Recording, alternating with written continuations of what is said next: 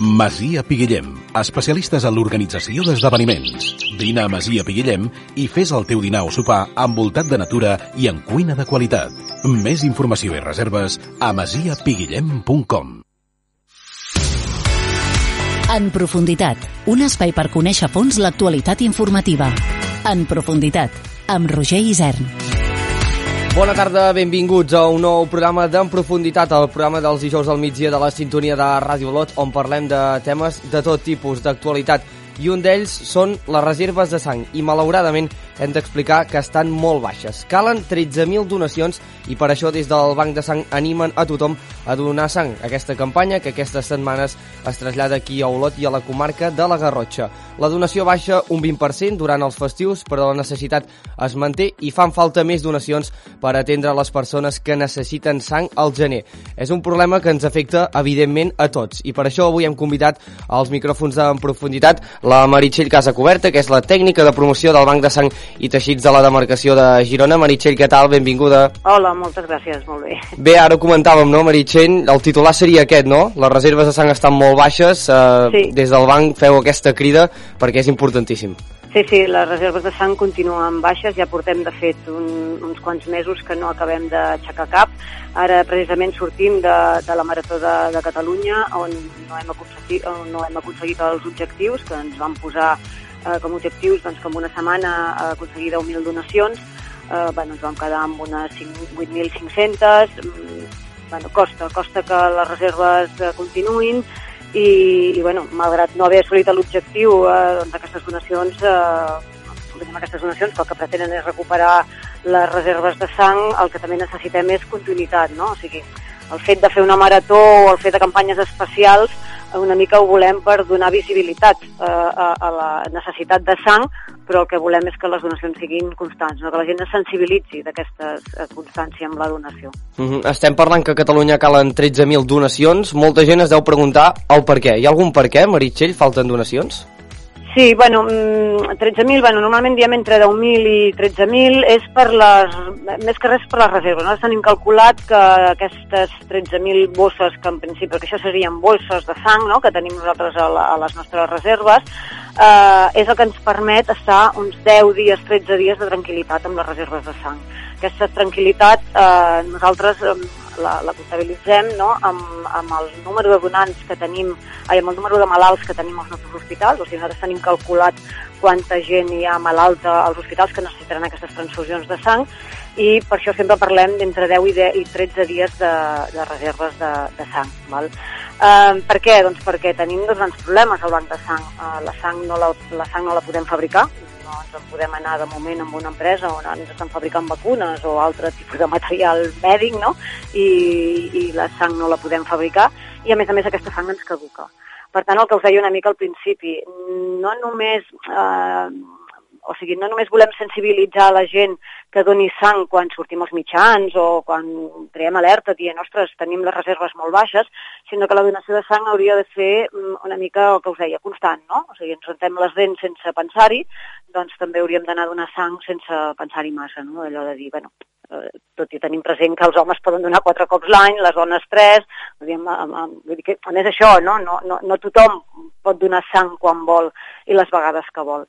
Però bueno, tenint en compte això, eh, una mica mentalitzar a la gent doncs, que les donacions han de ser constants, és el, és el més important. Eh, I les reserves que em deies, doncs això, perquè nosaltres tenim calculat la necessitat de sang que tindrem per subministrar o que necessitarem per subministrar als nostres hospitals i que no ens caduqui aquesta sang, que no se'ns faci malbé. Necessitem, volem, de fet, la justa i necessària per utilitzar. Aquí anava a comentar, has comentat dues coses que em semblen interessants. Una, que la sang de moment no es pot fabricar, a diferència d'altres coses com les vacunes, i dues, que caduca. Quan pot, eh, quan pot ser útil aquesta sang i hi ha un període determinat fins que caduca? Sí.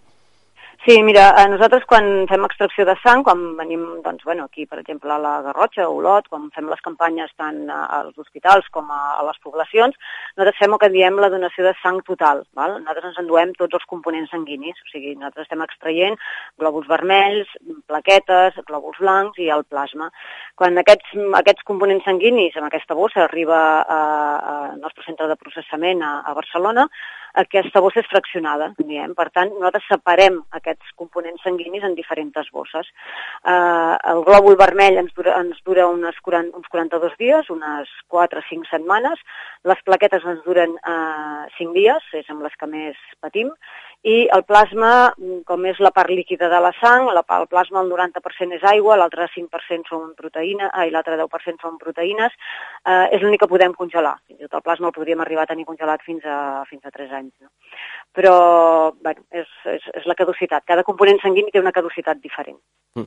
Fem una mica de pedagogia, Meritxell, perquè de cares a la setmana vinent, a partir del dilluns, hi haurà diferents punts uh, a Olot, cada dia un punt diferent, i es tancarà el diumenge 5 de febrer al camp de la Unió Esportiva sí. Olot, coincident amb el partit sí. de, de futbol. Uh, Meritxell, explica una mica com funciona perquè la gent interessada que vulgui anar a donar sang a Olot, uh, el procés com funciona i com es pot dirigir-hi. Eh, sí, el model aquí a Olot bueno, el vam variar una mica ja fa un o dos anys perquè, bueno, també una mica petició dels propis donants, perquè a vegades centràvem molt la donació en un o dos dies, per tant, bueno, doncs, doncs per la, la disponibilitat de la gent a vegades no podien venir o no estaven a Olot i, eh, clar, per nosaltres eh, Olot és una població important. Eh, dins de les comarques eh, gironines és un, és un dels punts on més extracció fem per número d'habitants. Per tant, el que vam pensar és això, no? diversificar una mica els punts de donació, eh, entrar als barris, o sigui, estar més presents als barris i el que és el centre d'Olot, i eh, donar opció doncs, a la gent, facilitar una mica no? els punts de, de, de donació o l'accés de donació.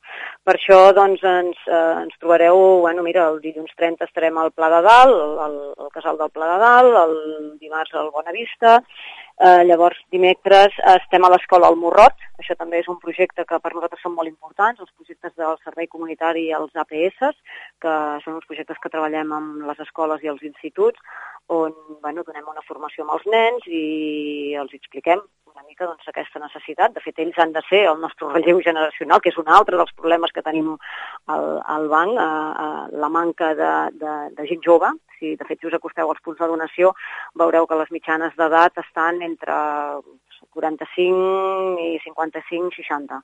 Val? Uh, per tant, ens falta uh, gent jove, ens falta aquest relleu generacional entre altres coses perquè és el que es dic, se'ns jubila la gent eh, amb 70 anys, vull dir, se'ns jubila de la, de la donació i no tenim incorporació de gent nova. Per això ens fa baixar també els índexs de, de donació.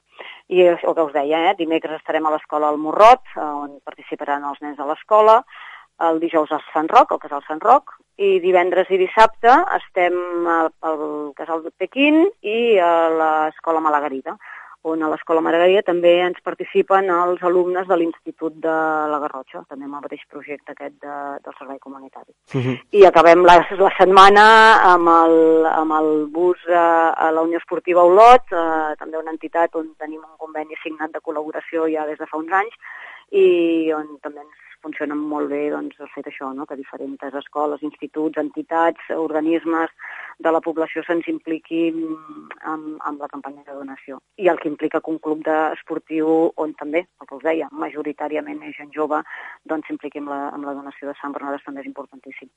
Comentaves ara aquest projecte relacionat amb les escoles i, i la gent jove, ho dius, eh, que, que falta gent jove. No sé si creus que, que falta aquesta pedagogia amb els més joves de cara a, a donar la importància sí. que és a, a l'hora d'anar a donar sang. No sé si creus que, que falta a hores sí, d'ara. Sí, sí que, sí que és veritat. A veure, nosaltres des del Banc de Sang, de fet, per això ho impulsem, no? perquè a vegades ens diuen o comentem o el, la, la frase que diuen, oh, és que la gent jove passa de tot. Home, jo no crec que la gent jove passi de tot. Uh, evidentment, amb un nen de, de cinquè, de sisè, de primària, si no li dius la necessitat que hi ha o li expliques la necessitat que hi ha de la donació de sang, doncs home, clar, ells evidentment no hi pensen en això. Però un de cinquè de primària i els de l'ESO o els de batxillerat, que són els altres franges d'edats que també treballem, el mateix, eh, gent jove, bueno, que estan per altres coses, ells no s'aixequen, si per sort doncs estan visquent en un entorn on no han necessitat una transfusió o no han viscut una transfusió de sang o una malaltia, clar, evidentment ells no hi pensen en això. De fet, molts cops quan els anem a fer les xerrades, quan els vaig a fer les formacions, eh, molts cops no, t'ho diuen, no? Ostres, és que, clar, jo això no ho sabia, jo això no, a mi ningú m'ho havia dit, jo no, clar, som una mica nosaltres els que ja els hi hem d'explicar, de, de, de mireu, hi ha això, i llavors s'impliquen, eh? Tenim escoles que, sobretot els de l'ESO i el batxillerat, on han fet els projectes de servei comunitari amb nosaltres i ja els tenim com a donants. Que els tenim com, com a donants, eh, que ells ho han dit, no? Ostres, quan jo faci 18 anys eh, vindré a donar sang. I després venen, venen, ens els trobem. Tenim alumnes que, exalumnes nostres, diguem, una mica, no? que han rebut la formació i que llavors ens trobem als punts de donació. Per tant, home, creiem que és un projecte que funciona molt bé i que, evidentment, hem de mirar d'arribar a, a la gent jove i explicar-los. Ho deies, eh? a vegades és per desconeixement i potser ara molta gent ens està escoltant. Clar, hem de posar sobre la taula uh, aquesta sang, Meritxell, normalment a, a quin tipus de, de persones va destinades? Uh, clar, estem parlant de, de moltes, sí. malauradament, perquè uh, tant de bo eh, no, es no es necessitessin aquestes reserves de sang, però a quin perfil de, de persones va destinada normalment aquesta sang? Sí, això també a vegades és una mica um, aquestes llegendes urbanes que corren o no, és igual, eh, perquè quan, també, quan vaig a parlar a fer uh, explicacions, bueno, quan vaig a fer xerrades, o ara ja no amb, amb nens de primària o de l'ESO, sinó també fem xerrades doncs, en diferents col·lectius de gent gran, ja de gent adulta. Um, una mica quan parles amb ells el primer que et diuen és això, ostres, però realment teniu tants accidents, realment teniu tantes operacions, realment necessiteu tanta sang no, és veritat, no tenim ni tants accidents, o malauradament no n'hi hauria d'haver cap, però bueno, molts d'ells no ens arriben als hospitals, molts d'aquests accidents no necessiten una transfusió i, i les operacions ara també estan molt més controlades, són operacions que, que són menys invasives, per tant també es necessita menys sang, però sí que és veritat que mm, tenim molts malalts. O sigui, de cada 10 persones que entren en un hospital perquè necessita una transfusió de sang, una d'aquestes persones sí que serà per accident o perquè ha d'entrar quiròfan a operar-se, però les altres 9 no, les altres dues perquè estan malaltes, perquè tenen problemes, doncs, per exemple, amb les seves cèl·lules sanguínies. Mm, posa càncers, posa mm, hemofília, eh, bueno, diferents malalties que necessitaran d'aquests components sanguinis més sovint, perquè a més a més moltes d'elles són malalties cròniques que, que aquesta gent necessita d'aquestes transfusions doncs, per tirar endavant la seva vida. No? I, i bueno, majoritàriament és això, eh? necessitem sang per la gent que està malalta als nostres hospitals. Per tant, més eh, clar que l'aigua, evidentment, tot, algun dia potser tothom ho necessitarà. Per tant, aquesta importància de donar sang sí. és, és, sí. és molt alta. Segons eh, dades que, que faciliteu, Meritxell, m'agradaria comentar eh, números. Eh, segons eh, expliqueu, avui hi ha menys de 6.000 unitats a les neveres sí. del banc de, de sang. Eh, el nivell òptim se situa a les 8.000 unitats, per tant, eh, en caldrien eh, entre gairebé unes 1.100, 1.200 eh, donacions. Per què aquest topall de 8.000 unitats que considereu nivell òptim? Per què aquest número?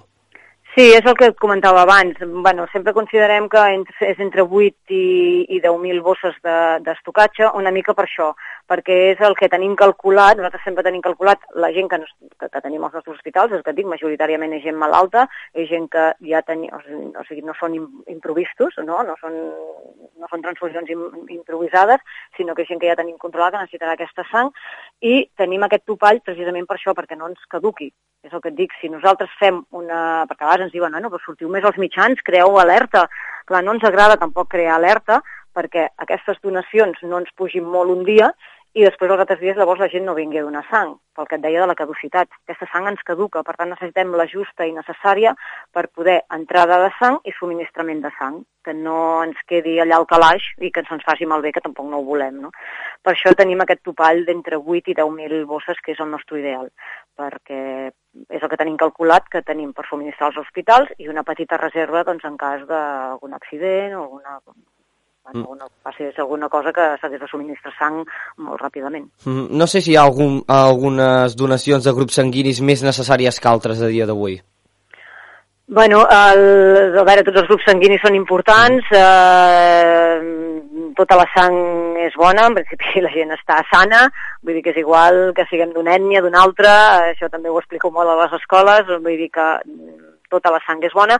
L'únic que sí que és veritat que eh, els grups sanguinis són hereditaris, per tant nosaltres aquí a aquesta zona europea el grup sanguini que més abunda és el A positiu i el 0 positiu i bueno, el que més necessitem o els que més patim, eh, perquè menys tenim, és el 0 negatiu i l'A negatiu. El 0 negatiu sabeu que és el grup universal, és el grup que pot donar a tothom, però ell només pot rebre del seu grup.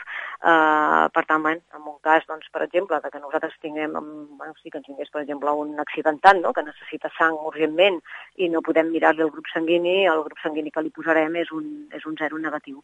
Mm, per tant, bueno, no és que siguin millors ni pitjors, però és el grup que més patim perquè és el que menys abunda aquí a aquesta nostra zona i, i és potser el que més necessitem en cas de, de, bueno, de no compatibilitats amb els altres resta dels grups. Mm.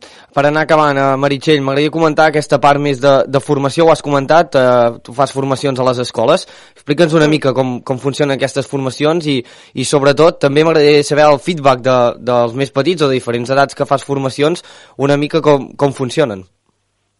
Sí, bueno, normalment és un projecte, ja et dic, a, a nivell de la primària en diem APS, aprenentatge i servei, i a nivell de la secundària en diem servei comunitari, perquè de fet la, la secundària ho té com a assignatura curricular, vull dir que mm, una mica els instituts, els, eh, bueno, depèn dels instituts, no, els hi presenten diversos mm, projectes eh, de diverses entitats, o bueno, en el nostre cas som una empresa pública, i els, són els alumnes de, de l'ESO els que trien el projecte doncs, que més pot eh, cridar la seva atenció. No? Llavors, amb aquests alumnes doncs, que trien el projecte, eh, els hi fem una formació, una mica els hi expliquem de què, què és el banc de sang, per què nosaltres hem de fer aquestes campanyes, com fem les campanyes, com fem aquesta recollida, com, analitz, com tractem aquesta sang, o sigui, des de que nosaltres l'extraiem amb una campanya o un hospital fins que arriba al pacient.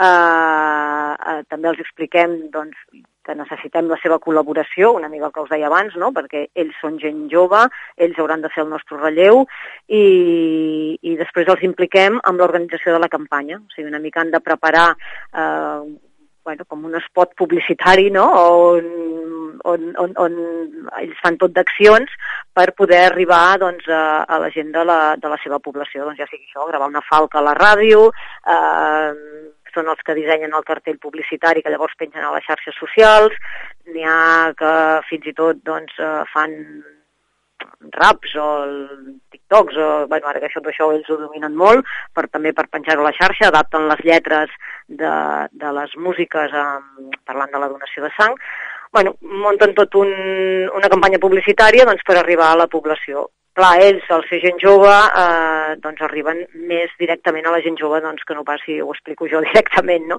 I amb els petits una mica el mateix, eh, una mica el mateix, és el mateix sistema, adaptat més a la seva edat, però també els més petits també han de fer una mica el mateix sistema, i, i ho agafen molt bé, és el que us deia abans, ells eh, són molt receptius a, a, als projectes, tant els més petits com els més grans, s'impliquen moltíssim i el, i el, el resultat està clar. Mm, amb una campanya on estan implicats les escoles o els instituts, eh, l'índex de donacions puja.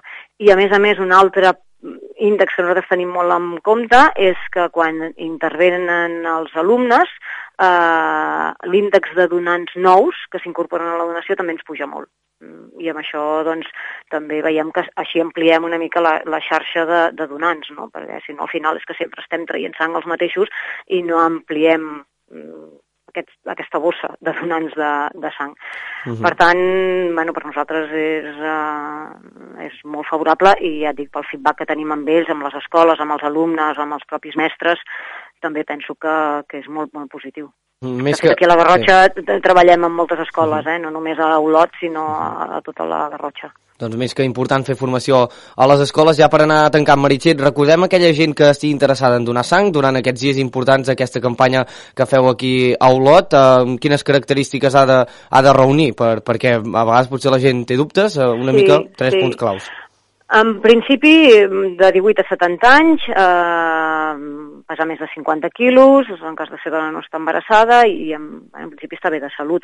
Qualsevol altre dubte que es pugui tenir, eh, que si s'estan prenent medicaments, si estan fent algun tractament, pendents de llistes d'espera per alguna operació o intervenció, si s'ha passat alguna malaltia, càncer... Penseu que tots aquests protocols els estem revisant constantment i ens van canviant constantment.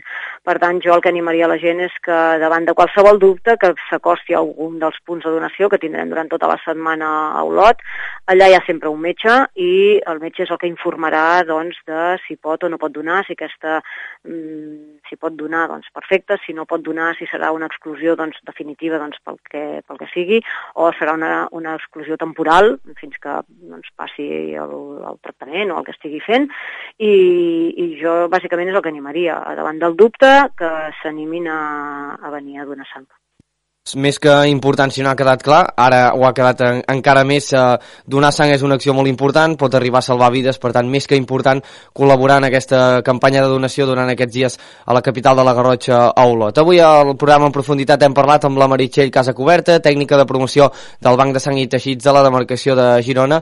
De veritat, eh, Meritxell, moltes gràcies per donar veu a aquesta acció tan necessària, és importantíssima.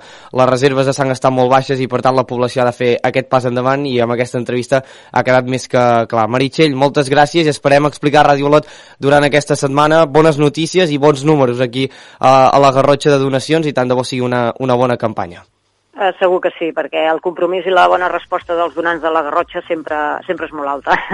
Moltes gràcies a vosaltres. Doncs gràcies, Meritxell. Eh, esperem que aquesta campanya sigui molt bona i a vosaltres, oients de Ràdio Lot, ens retrobem dijous vinent, com sempre, després de l'informatiu migdia, amb un nou programa d'en profunditat parlant de qualsevol tema, que ja sabeu que ens agrada conèixer de tot. Gràcies per la seva confiança. Adéu-siau. En profunditat, serveis informatius de Ràdio Olot.